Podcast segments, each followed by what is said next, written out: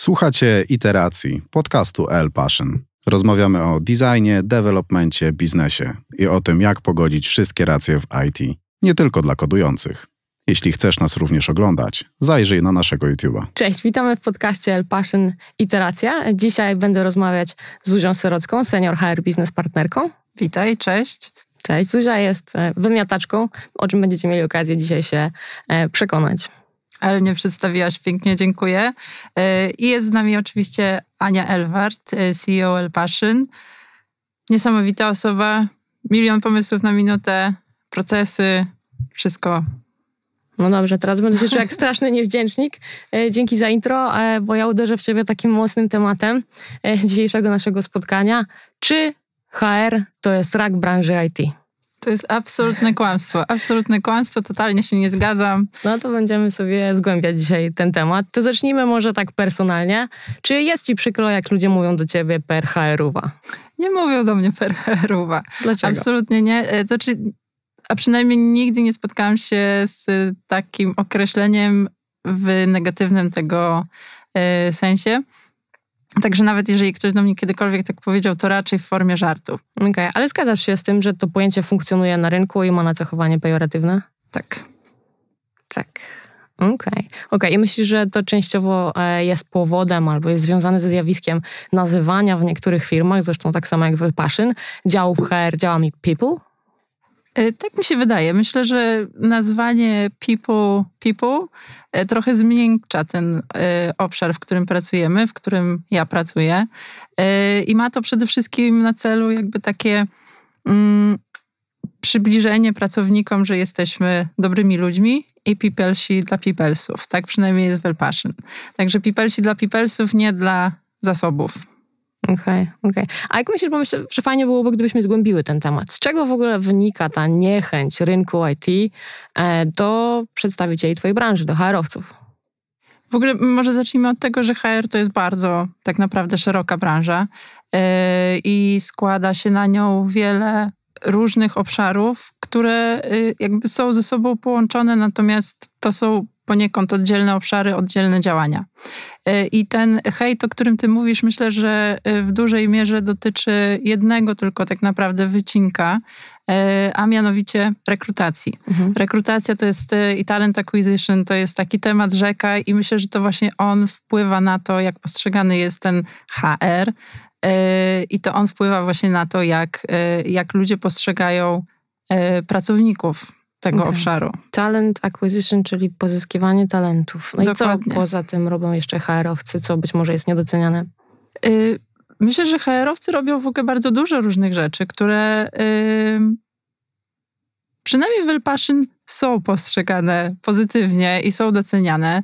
Yy, tutaj mamy bardzo dużo takich tematów. HR generalnie opiekuje się człowiekiem od samego początku, czyli nawet wtedy, kiedy od ten narodzin. człowiek... Od narodzin prawie, że on jeszcze nie wie, że będzie pracował w Elpaszyn, a my już to wiemy. Także od tego samego początku do samego końca, czyli do offboardingu tak zwanego, e, poprzez wdrażanie człowieka w firmę, pod poprzez dbanie o, o, o taki jego well-being, o to, żeby czuł się zaopiekowany, żeby trafił do fajnych projektów, żeby był z tych projektów zadowolony, żeby był zadowolony ze swojego e, zespołu, żeby miał fajne benefity, żeby pensja przychodziła na czas i była w odpowiedniej wysokości, e, żeby nie było nadgodzin. Także tego jest bardzo, bardzo, bardzo, bardzo dużo. To ma jakieś tam swoje różne nazwy, te wszystkie mhm. e, działania, o których mówię, e, aż właśnie do samego offboardingu, czyli takiego pożegnania, żeby on nas zapamiętał właśnie pozytywnie i hmm. dalej nas reprezentował poniekąd.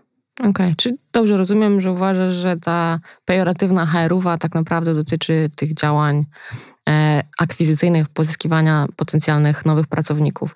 E, dobrze, Zuza, to powiedz, co robisz w swoim zespole, e, żeby nie kreować tego raka na rynku? Jakie widzisz dobre i złe praktyki, które mogą stosować osoby, które zajmują się właśnie rekrutacją? Rekrutacja to jest generalnie temat rzeka, to jest naprawdę bardzo taki mm, to jest taki temat, o którym można by mówić i mówić i mówić. Tam jest mnóstwo dobrych i mnóstwo złych praktyk. E, natomiast wydaje mi się, że jeżeli chodzi o te główne złe praktyki, które w tym momencie są na rynku i które tak bardzo frustrują tych ludzi, którzy potem myślą, że HR jest tym rakiem yy, paskudnym, to przede wszystkim brak jakości. Brak jakości yy, i to, że ilość wiadomości jest wysyłana po prostu na masę. Yy, ktoś po prostu się nie zastanawia, do kogo wysyła. Wysyła wiadomość do nodowca o rekrutacji na DevOpsa albo na Java albo na coś takiego. Yy, I ludzie po prostu się frustrują. Też byś mhm. się sfrustrowała, jakbyś dostała informację yy, witam panie Marku, czy chce pan zostać CTO? A ty nie jesteś panem Markiem, ani nie jesteś CTO, tak? Więc myślę, że przede wszystkim to jest właśnie związane z tym, że ta rekrutacja obecnie trochę, trochę to mało powiedziane. No tak mocno, mhm. mocno spadła, jeżeli chodzi o jakość. I tutaj to, co robimy w Elpassion, to przede wszystkim jakby jesteśmy świadomi tego, że może nie będziemy rekrutować tak szybko i nie będziemy rosnąć niestety, niestety tak szybko, jakbyśmy chcieli ale za to rekrutujemy osoby, które e, chcą do nas przyjść mhm. i są naprawdę zajarane tym, co robimy.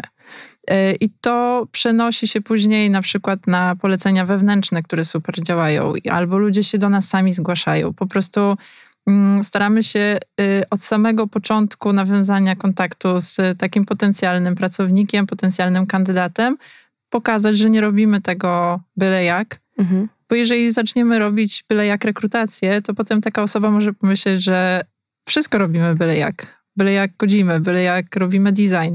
Więc e, myślę, że, że dzięki temu, że podchodzimy do tego jakościowo i, i, i z głową też, mhm. mm, to gdzieś tam tym kandydatom już pokazuje, że spoko, może, może warto spróbować. Okej, okay. ja mam swoją historię, kiedy mi się wydawało, że właśnie napisała do mnie taka osoba, która e, na pałę wysyła wiadomości po prostu, e, ale zwróciło to moją uwagę i jest to związane z Elpassion. Uwaga.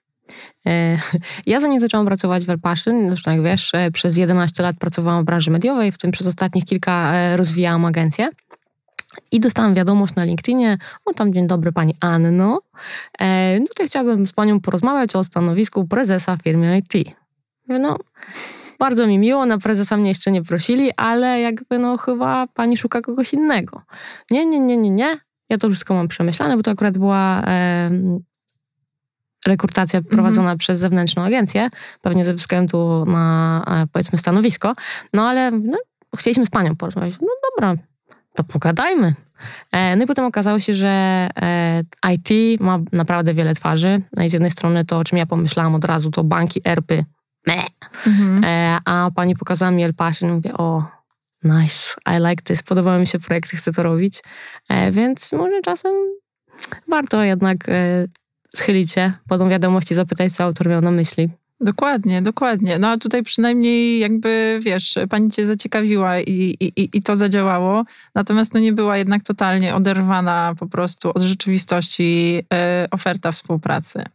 A pani widać miała bardzo dobry instynkt, więc szacunek. Coś tam wiedziała. Coś tam wiedziała. Okej, okay, a mogłabyś jeszcze trochę opowiedzieć w kontekście tych e, zadań HR-u, czy to jest tak, że osoby mm, o tym zakresie kompetencji odpowiadają, mówiłaś o zarobkach, tak? E, a jeżeli chodzi o ścieżki kompetencji, to czy też te osoby są zaangażowane, czy to tylko osoby, nie wiem, w naszym przypadku techniczne, e, czy specjaliści, menadżerowie e, z innych obszarów się tym zajmują? W jakim stopniu HR ma na to wpływ? HR przede wszystkim, przynajmniej tak jest y, w Elpassion, tak to u nas jest poukładane, HR przede wszystkim jest takim wsparciem dla y, biznesu. Jest partnerem, jak sama nazwa mojego stanowiska wskazuje. Także to nie jest tak, y, że my robimy coś sami albo coś sobie wymyślamy, tak? Wymyślamy koło na nowo. My jesteśmy partnerami i razem z menadżerami, razem z tymi liderami bardzo blisko ze sobą współpracujemy i obserwujemy każdego jakby pojedynczo i patrzymy na jego kompetencje i zastanawiamy się, w którym kierunku można by go rozwinąć. Mm, także to, to absolutnie nie jest tak, że gdzieś tam HR sam podejmuje decyzje i sam działa, tylko to wszystko jest w, w oparciu o taką współpracę. Mhm. No dobra, kręcimy się ciągle wokół tego tematu hajtu. Ja zgodzę się z Tobą, e, że rynek IT jest specyficzny e, i myślę, że ta HR-owa funkcjonuje w tej branży. Myślisz, że w innych również tak jest, czy to jest tylko u nas? Myślę, że jest tak być może w większości branż, szczególnie y, jeżeli to są na przykład jakieś takie zatwardziałe struktury i tam ta HR-owa to jest tak naprawdę taką panią kadrową, okay. Więc, więc pewnie tak to tam wygląda. Y, więc to pewnie trochę zależy od struktur, zależy od organizacji. Mm. Ja mam taką hipotezę, co zgadzam się z tobą, ale jak zaczęłaś mówić, to się nie zgadzałam, e, że po prostu programiści, designerzy, osoby z IT dostają bardzo dużo wiadomości właśnie od rekruterów i że oni być może ten hejt mają taki wzmożony ze względu na częstotliwość kontaktu, ale masz rację, jest druga strona medalu, e, która też może na to w ten sposób wpływać. No dobra, powiedz, e, co ty w swoim zespole robisz, żeby odróżniać się od tego stereotypu, żeby zasłużyć na jakieś dobre imię i fajną markę? E, przede wszystkim współpracuję bardzo blisko z osobami e, technicznymi, z tak zwanymi hiring managerami, czyli osobami, które mm, pracują w tym zawodzie, tak? czyli są właśnie tymi programistami, slash tymi designerami. E, I dzięki temu myślę, że to wpływa na jakość i taką personalizację tego, w jaki sposób na przykład my pozyskujemy mm, ludzi. Czyli nie robimy tego na masę, nie robimy tego e, wysyłając e, wiadomości, nie wiem, do Java deweloperów o tym, że szukamy Node deweloperów, tylko wiemy konkretnie, kogo szukamy, jakie są kompetencje, jakie umiejętności techniczne dana osoba musi posiadać. Także tu znowu nawiązuję do takiej współpracy bliskiej po prostu z e, osobami, które są najbardziej zainteresowane tematem. Czyli to wszyscy w twoim zespole uważają, że nie jest tak, że Java i JavaScript to potato, potato? nie. Okej, okay. no dobrze. No dobrze. E, a powiedz proszę, bo e, ja jako, że mam e, w ramach onboardingu możliwość rozmawiać tak naprawdę z każdą osobą w naszej firmie, przynajmniej na początku jej podróży i bardzo często zadaję pytanie o to, dlaczego spośród tak naprawdę szeregu ofert na rynku wybrałeś akurat nas i często pośród tych kilku odpowiedzi, które, które ludzie dają, kilku uzasadnień, pada powód, bo bardzo podoba mi się proces waszej rekrutacji. Jak miałabyś dać poradę, może jakieś trzy tipy innym osobom, które rekrutują w tej lub innej trudnej branży, co by to było? E, przede wszystkim uczciwość, hmm. czyli nie mówimy właśnie, e, że mamy owocowe czwartki, jakich nie mamy i nie mówimy o tym, że... My nie mamy. My nie mamy, nie mamy, a do tego jeszcze wrócimy. czyli jakby mówienie prawdy, mówienie tego, co faktycznie e, może u nas taki człowiek zastać. Po drugie sumienność, Czyli właśnie, jeżeli się umawiamy na kola o takiej i takiej godzinie, to dzwonimy. Bo potem ten człowiek jest sfrustrowany, on jest wkurzony na samym początku, yy, uważa, że nie dotrzymujemy obietnicy i to wpływa później na, yy, na taką dalszą naszą współpracę. No i przede wszystkim to, co jest najbardziej kluczowe, to jakość. Jakość, yy, którą my osobiście mamy właśnie znowu dzięki temu, że blisko współpracujemy z hiring managerami, z osobami technicznymi. Ja przyznam, że jakość brzmi tajemniczo. Możesz to zgłębić? Czy co się kryje pod tą jakością? E, pod jakością, jasne. No właśnie to, o czym mówiłam wcześniej, czyli to, że, że nie ściemniamy, nie wysyłamy tych wiadomości na masę. One są spersonalizowane, e, one naprawdę jakby dotyczą tych kompetencji, które dana osoba posiada. E, po drugie, w momencie, w którym też bardzo blisko tego całego procesu rekrutacyjnego jest osoba techniczna mhm. i ten potencjalny kandydat, ten potencjalny pracownik y, może zobaczyć, kto u nas pracuje, co to są za osoby, jakie one mają skille, jakie one mają umiejętności, jaką one mają osobowość też, to daje im naprawdę bardzo dużo. Y, I tak naprawdę, ponieważ my ten kontakt z y, takimi osobami jakby mamy od samego początku praktycznie procesu rekrutacyjnego, to zainteresowanie naszych kandydatów jest naprawdę bardzo wysokie, bo oni po prostu chcą dla nas pracować i chcą pracować z tymi ludźmi, których mamy na pokładzie. Okej. Okay. E, to może zgłębmy ten temat e, procesu rekrutacyjnego. Jak uważasz, ile przeciętnie jest etapów takich rozmów rekrutacyjnych na rynku w branży? Nie mówię u nas, tylko rynkowo, jak to wygląda. Czy jest tak, że jak już jest ktoś chętny do zmiany, to ze względu na takie globalne ssanie na talent, te rekrutacje są relatywnie szybkie i proste, czy jednak e, jeszcze rynek trzyma jakoś jakość? Myślę, że nie da się odpowiedzieć na to pytanie jednoznacznie. Y, są firmy, które, y, to wiem gdzieś tam od kandydatów, które tak naprawdę w momencie, w którym ty wyślesz im swoje CV i gdzieś wpisujesz się w te widełki i widać, Podpisz tu. tak, podpisz tu, chodź, chodź, chodź. Masz tyle hajsu, ile chcesz i w ogóle przychodź jolo.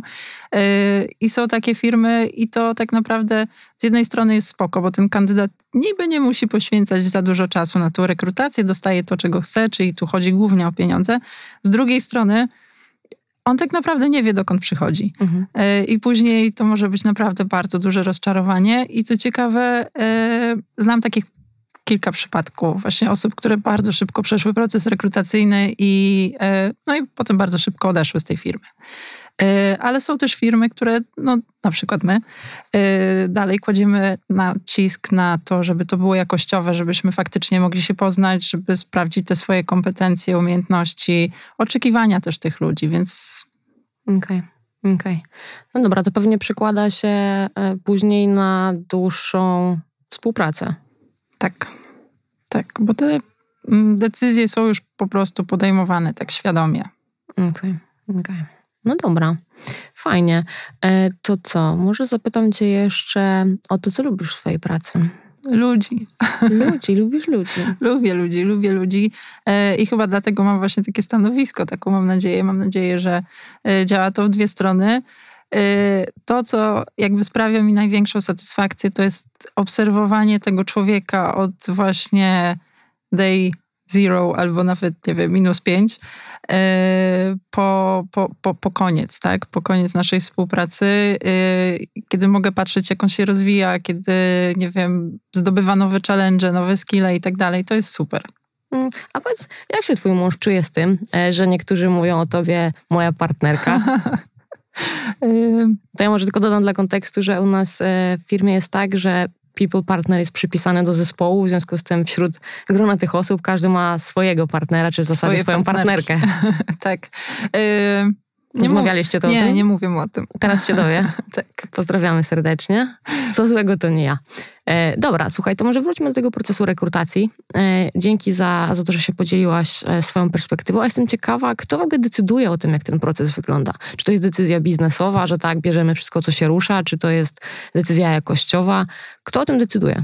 To jest decyzja wspólna. To jest decyzja wspólna i zdecydowanie jakościowa. E, People bardzo blisko pracuje z, między innymi z naszym CTO, e, Michałem, e, który no jakby ma najwięcej insightu dotyczącego tego, co tym kandydatom może się spodobać. To po pierwsze, na przykład Mhm. jeżeli chodzi o zadanie rekrutacyjne, co sprawi, że oni będą chcieli je zrobić, poświęcić na to swój czas.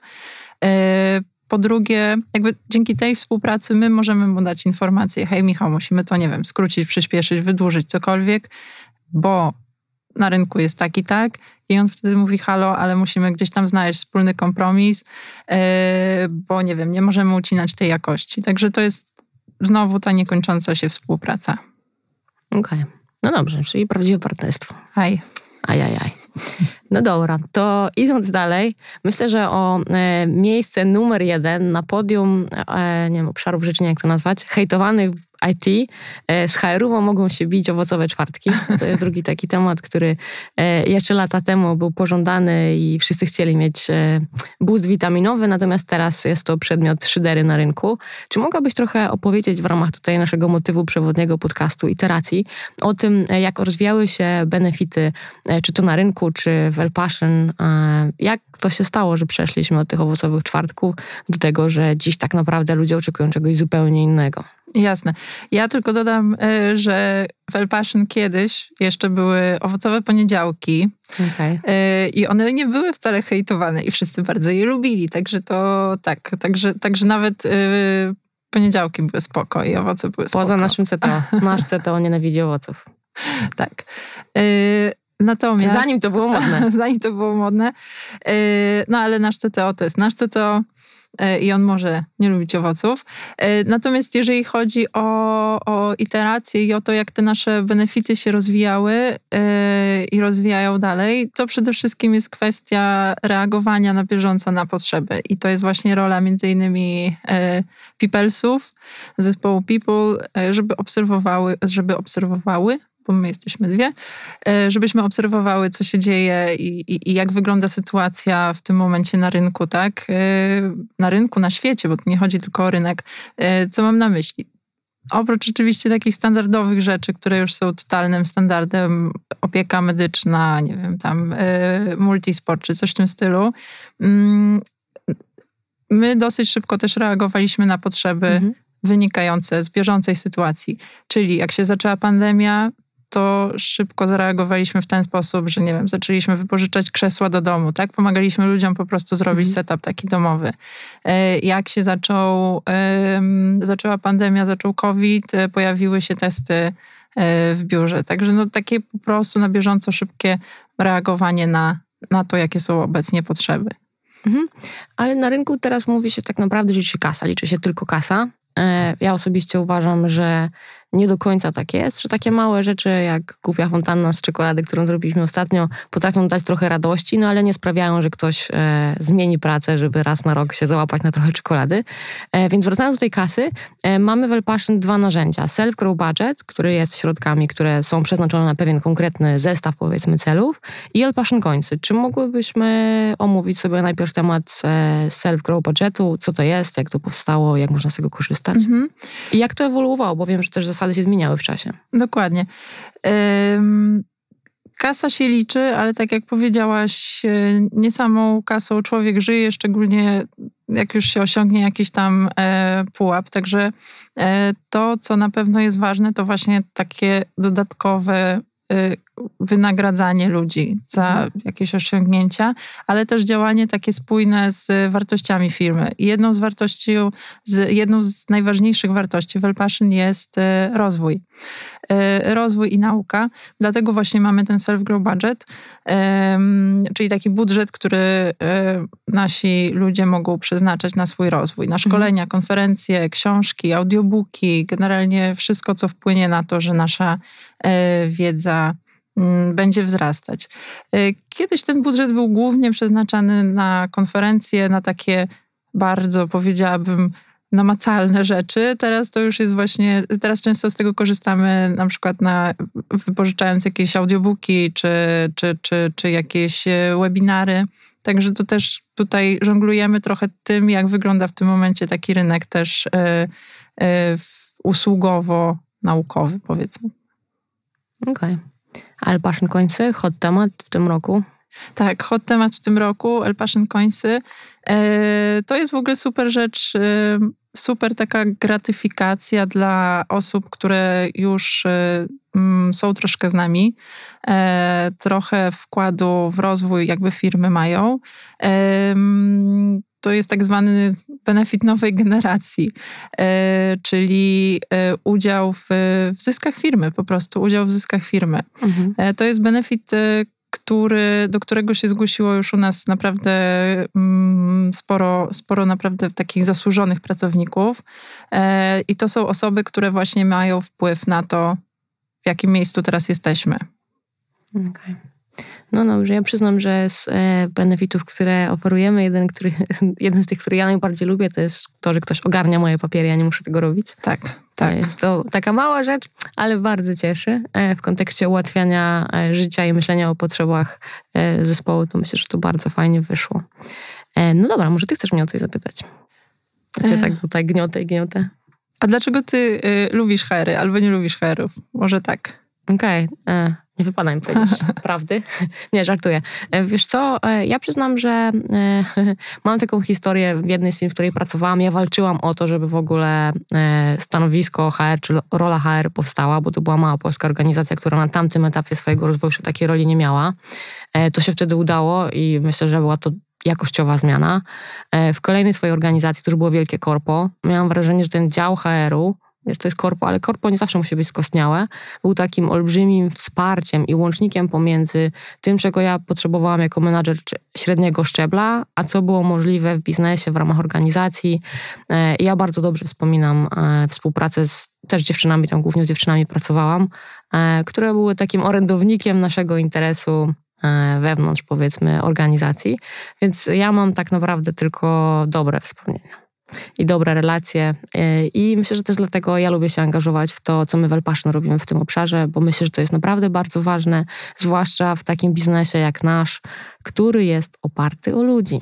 No, dokładnie, dokładnie. I ja właśnie chciałam tutaj podkreślić to pytanie, może tak yy, i nie zadałam do końca, tak jak nie wybrzmiało tak, jak chciałam go zadać. Yy, natomiast yy, to, co ja bardzo też do, doceniam i co jest super, to jest właśnie bliska współpraca People z CEO. Ty masz też dużo insightów na temat biznesu, na temat tego, co się dzieje, na temat tego, jakie są potrzeby. I odkąd ta współpraca się bardzo zacieśniła, bo tak a propos iteracji właśnie to kiedyś nie było aż tak bliskiej współpracy pomiędzy powiedzmy people a, a CEO, e, to wpływa bardzo na dynamikę naszych, e, naszych działań. Ja też myślę, że to e, dobrze działa. Cieszę się też z tej inicjatywy, e, którą zrobiliśmy, tej wewnętrznej grupy, working grupy tak naprawdę, która łączy osoby z różnych działów pod sztandarem wspólnych działań employer brandingowych, ale employer brandingowych pomyślanych nie tylko, żeby na rynku krzyczeć, że jesteśmy fajni, ale przede wszystkim, żeby w pierwszej kolejności zadbać o tych ludzi, którzy są wewnątrz, żeby e, oni byli zadowoleni z tego, co robią. No i dobra, jesteśmy już przy przechwalaniu się, to myślę, że trzeba powoli stopować. Być może słucha nas ktoś, ktoś, kto myśli sobie w sumie, dobrze gadają. W sumie może to jest spoko firma, może chciał, chciałabym dać im szansę. E, powiedz, poza benefitami, trzy powody, dla których warto dołączyć do Alpaszyn według ciebie. Ludzie, znowu.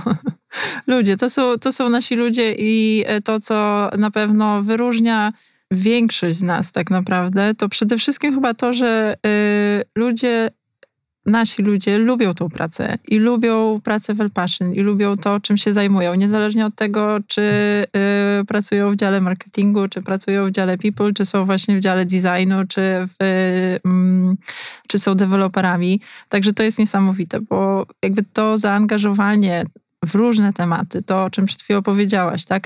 o tym e, employer brandingu. Mamy w grupie employer brandingowej osoby z różnych działów, tak? między innymi dewelopera, który jest zajarany tym, co robimy. I to jest świetne e, i daje nam bardzo dużo takich ciekawych insightów właśnie z punktu widzenia dewelopera, czyli tych osób, do których, tej, tej osoby, do których uderzamy. Więc e, przede wszystkim ludzie. Po drugie też elastyczność E, elastyczność i to, w jaki sposób pracujemy, jak bardzo mamy duże do siebie zaufanie, dzięki czemu właśnie większość z nas może pracować z domu, e, ale jeżeli ma taką ochotę, to mamy przestrzeń w biurze, e, do której możemy przychodzić bardzo niedaleko stąd. Więc taka elastyczność w kontekście zarządzania swoimi taskami, mhm. bez mikromanagementu i ta elastyczność daje nam dużo, dużo przestrzeni właśnie na to, żeby po pierwsze się właśnie rozwijać, tak jak my tego chcemy, e, po drugie dbać dalej o ten swój work-life balance.